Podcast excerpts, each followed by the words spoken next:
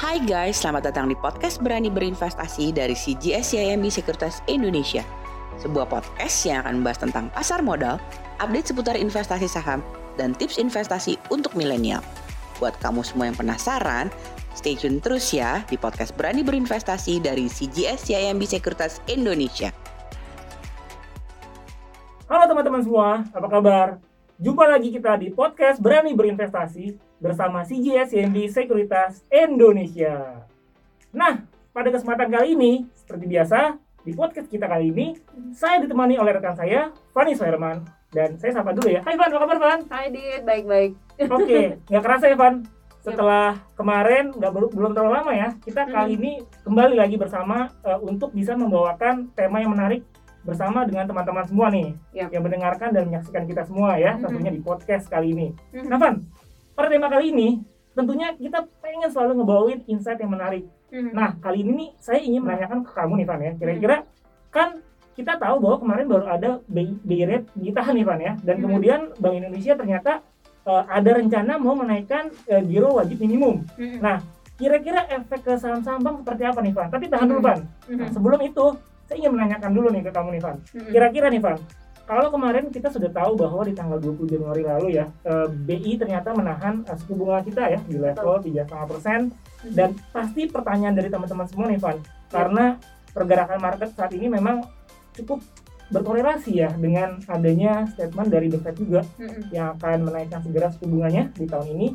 Nah, kira-kira nih kalau untuk domestik sendiri Van, Mhm. pand- pandangan Fanny seperti apa nih? Kapan sih kira-kira Bank Indonesia ingin menaikkan suku bunganya Van?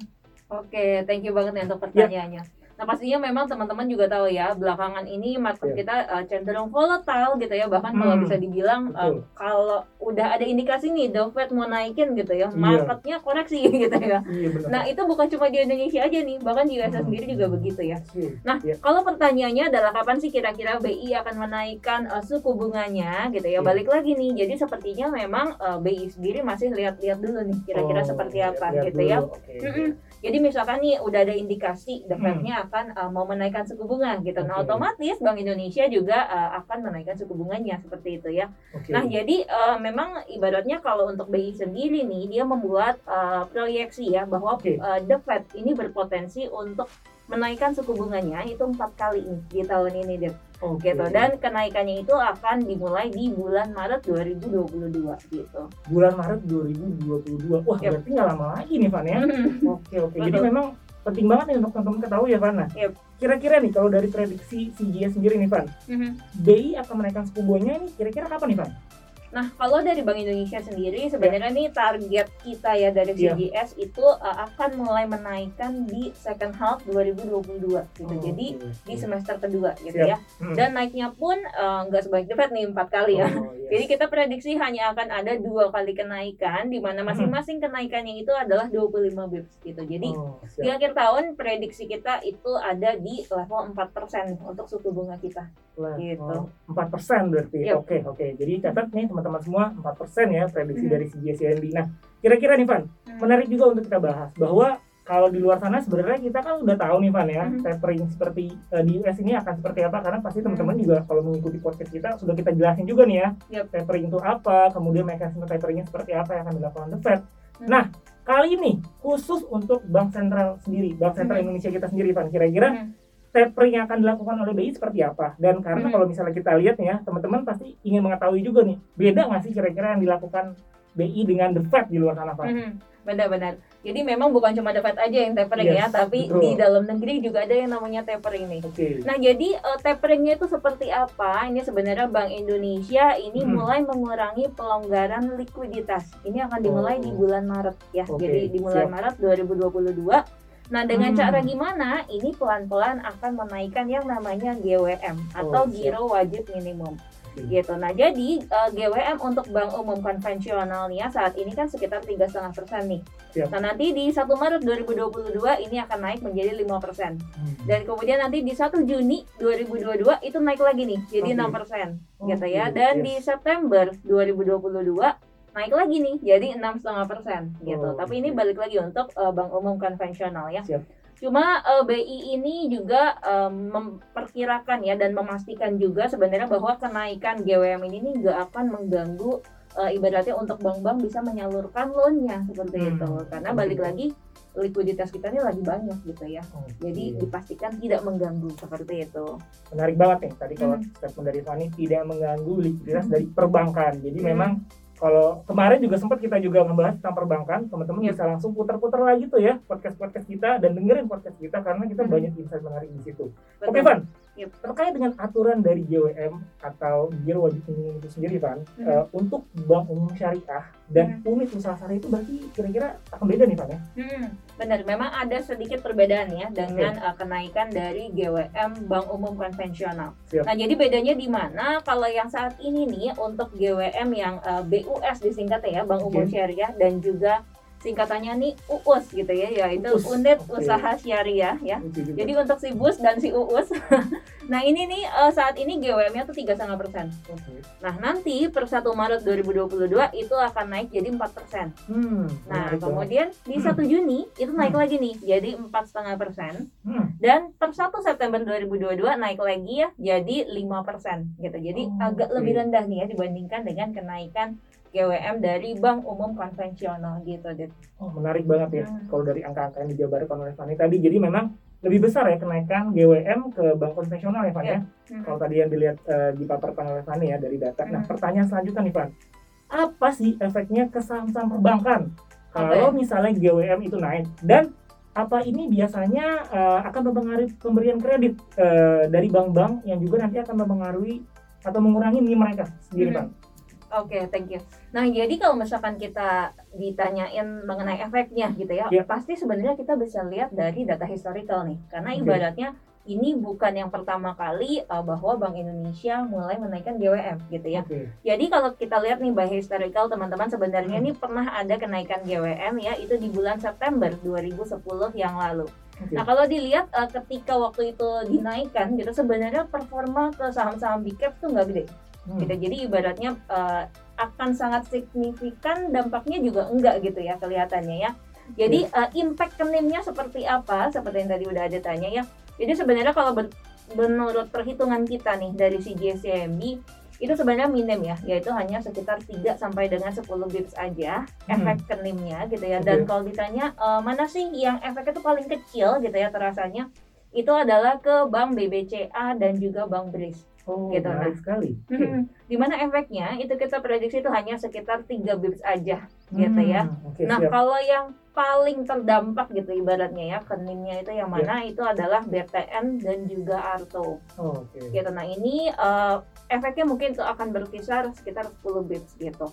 Nah intinya sebenarnya eh, kita harus cari bank mana nih yang punya tingkat kasar rasio yang tinggi gitu ya Hmm. dan juga eh, pendanaan murah yang tinggi karena ibaratnya eh, kalau dia punya kasar rasio yang tinggi nah itu dampaknya akan lebih minim nih dibandingkan dengan yang lain gitu. Oh, Oke, menarik banget nih. Jadi Hmm. pembahasan Fani cukup komprehensif sekali nih ya, barusan ya mengenai Hmm. rasio-rasio perbankan dan juga efek-efek terhadap bank-bank itu tadi.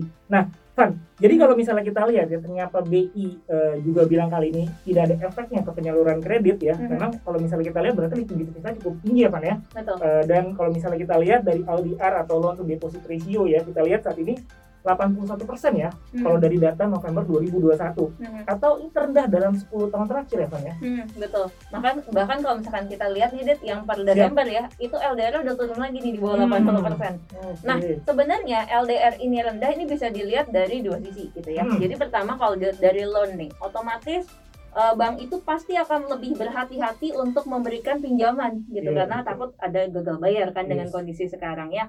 Nah, otomatis kenapa sih ibaratnya LDR-nya itu eh, cenderung masih agak rendah gitu ya? Sebenarnya kemungkinan nih lebih ke arah eh, depositnya juga lebih tinggi nih dibandingkan dengan loan-nya gitu ya. Hmm, Nah, jadi betul, memang di sini bisa kelihatan nih eh, likuiditas kita tuh lagi cukup banyak seperti itu sih. Oke, menarik banget nih. Nah, Mhm. yang pastinya yang teman-teman sudah pengen tunggu-tunggu dari tadi nih, Van. Tadi kita udah ngebahas mengenai secara umum sektor perbankan dan juga eh, efek dari GWM. Nah, kira-kira nih eh, saham-saham pilihan yang menjadi saham-saham pilihan dari CGSMB Hmm. bisa nggak Van di elaborate? Nah, kalau misalkan ditanya nih topik Iya. kita apa sih untuk sektor perbankan gitu ya. Jadi teman-teman bisa lihat ada eh, tiga saham nih ya, yaitu Oke. yang pertama BBRI, Hmm. kemudian kedua itu ada BBNI dan yang ketiga adalah Mandiri. Atau Oh. BMRI ya. Oke. Jadi target price-nya ini masing-masing secara fundamental ya untuk BRI itu di level 5.000, Hmm. kemudian untuk BNI ini di level 8.710 Oke. dan untuk Mandiri ini target price-nya di 8.300 Oke. gitu dan semuanya ini masih rating R Oh, gitu. siap. Kemudian ada juga yang menarik nih mengenai uh, Bank BNI ya. Jadi Yes. kalau misalkan teman-teman uh, ngikutin nih berita di koran misalkan Iya, iya. gitu ya. Jadi BNI ini nih lagi dalam proses mengakuisisi Bank Mayora teman-teman ya. Dan uh, targetnya itu akan selesai di sekitar bulan Mei 2022 gitu. Oh. Nah, nanti bank ini nih akan dijadiin uh, bank yang digital gitu, khusus untuk menyasar ke UMKM. Jadi itu yang cukup menarik nih ya untuk uh, BNI. Kayaknya hmm, nextnya kita bisa bahas mengenai BNI ya. Oke, Van, menarik banget nah. Eh, menarik untuk dibahas juga. Selain itu, BNI kalau saya lihat ini kalau dari rating ESG ini juga meningkat ya, Van ya. Karena kalau nggak salah di tahun 2019 dia ada posisi di B plus Mhm. dan kemudian di tahun 2020 ada posisi di E minus ya, Van ya. Saat Hmm. ini ya, Van untuk BNI. Benar-benar. Dan kenapa menarik juga untuk kita bahas dari segi ESG ya? Karena Ya. ibaratnya di tahun ini itu kita proyeksi bahwa eh, saham-saham yang memiliki ESG yang baik itu akan eh, lebih positif harusnya gitu ya. Oke. Karena eh, tingkat ESG kita tuh harusnya di tahun ini akan membaik, apalagi sejak kita memperlakukan yang namanya pajak karbon Oh, gitu ya otomatis dari uh, segi-segi emiten nih harusnya ESG-nya akan meningkat seperti itu. Nah, bicara tentang ESG nih, jadi topik kita dari si CIMB ya ada yang baru Dit, Oke. yaitu ada BCA, kemudian Telkom dan Oke. juga BNI. Jadi ini Oke. topik untuk ESG kita ya yang Oke. berkaitan dengan ESG. Nah, eh, itu aja sih Dit mungkin untuk hari ini ya. Benar-benar luar biasa ya. Karena ternyata di akhir dikasih bonus juga nih ya. Saham-saham pilihan dari sisi ESG-nya apa saja. Dan memang kita menarik ya Van kalau kita melihat ESG itu sendiri ya. Ke depannya akan akan makin eh, ekspansif dan tentunya kita tahu sendiri ya. ke Hmm, bumi ini harus dilindungi ya hmm. teman-teman semua. Oke teman-teman semua, itu tadi podcast berani berinvestasi bareng CGS yang di Sekuritas Indonesia. Tentunya teman-teman bisa mendapatkan banyak sekali insight yang sudah tadi kita bahas bersama Fani juga ya terkait dengan data dan juga eh, saham-saham apa yang menarik. Makanya sayang banget kalau misalnya teman-teman nggak dengerin dan nggak ulang-ulang lagi eh, podcast dari kita karena tentunya kita ngelihatnya secara jangka panjang ya Van ke depannya. Betul. Dan oke Van, mungkin itu saja. Semoga teman-teman yang mendengarkan dan melihat podcast kita juga selalu diberikan kesehatan ya Van ya. Betul. Karena kita juga masih dalam kondisi eh, seperti sekarang ini ya. Eh, jadi kita butuh eh, semangat dan juga kesehatan selalu yang dijaga. Mungkin. Fani mau menambahkan untuk teman-teman? Eh, enggak itu aja sih Itu aja aja, deh. Oke, Fani sehat-sehat selalu ya. Ya, sama-sama. kita Thank semua you. sehat-sehat selalu, betul. Dan sampai jumpa lagi teman-teman semua di podcast Berani Berinvestasi bareng CGS CMB Sekuritas Indonesia. Bye-bye. Bye bye.